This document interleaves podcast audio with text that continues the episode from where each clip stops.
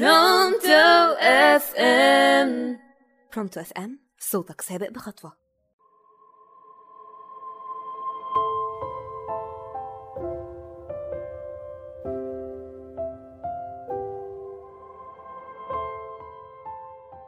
يا مساء الفل على كل اللي بيسمعوني في كل مكان. معاكم صافي إبراهيم على برونتو FM وبرنامج المشهد يشهد. مشهدنا النهاردة من مسلسل إلا أنا. خديجة الدور اللي بتقوم بيه ميان السيد بدور مريضة التوحد اللي طبيعي جدا إن عيلتها هتعملها بشكل خاص شوية لأن حالتها تستحق اهتمام.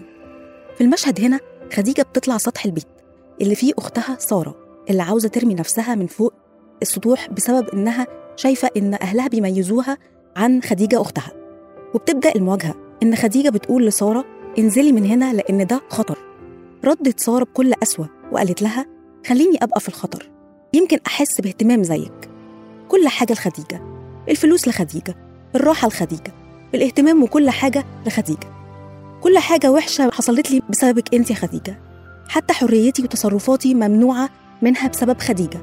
ابتدت طبعا خديجة تدافع عن نفسها وتحاول تبرر اهتمام مامتها وباباها بيها وتفهمها إنها محتاجة مساعدتهم لكن هما بيحبوك جدا. سارة برضو مش مقتنعة وبتقول أنا بتمنى أكون زيك. تخيلوا لما تكون البنت مت... تتمنى إنها تكون مريضة زي أختها عشان تلاقي الاهتمام من أمها وأبوها؟ المشهد هنا بيوصف غيرة الإخوات من بعض وخصوصا لما يبقوا في سن مراهقة.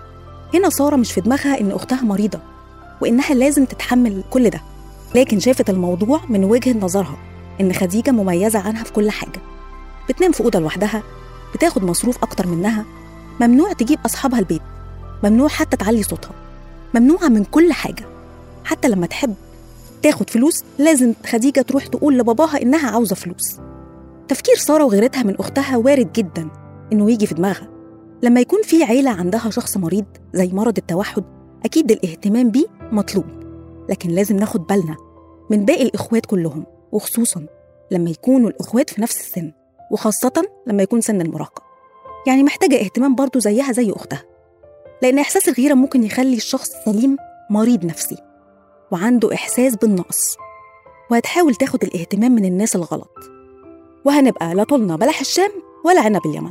وفعلا سارة وقعت في مشاكل كتير بسبب غيرتها من أختها وتعرضت لمشاكل كتير جدا بسبب إحساسها بالغيرة. الغيرة هنا تحولت لحقد. الغيرة إحساس ممكن يدمر أي علاقة في الدنيا حتى لو كانت علاقة أخوة. في آخر جزء في الحلقة أحب أقول لكل أب وأم حاولوا على قد ما تقدروا توزعوا حبكم واهتمامكم على كل أولادكم. بالتساوي راعوا مشاعرهم وادوهم قدر كافي من الدعم والاهتمام شبعوهم وساووا بينهم وما تخلوش في مجال ولا مساحة للغيرة. اخلقوا مساحات للحب بين أولادكم. حببوهم في بعض وإن مفيش فروق بينهم اعدلوا بينهم وما تفرقوش لأي سبب من الأسباب. التربية صعبة ومسؤولية. أنتوا مسؤولين كأب وأم إنكم تطلعوا أولاد أسوية لأن الغيرة عاملة زي النار. اللي ممكن تحرق الكل.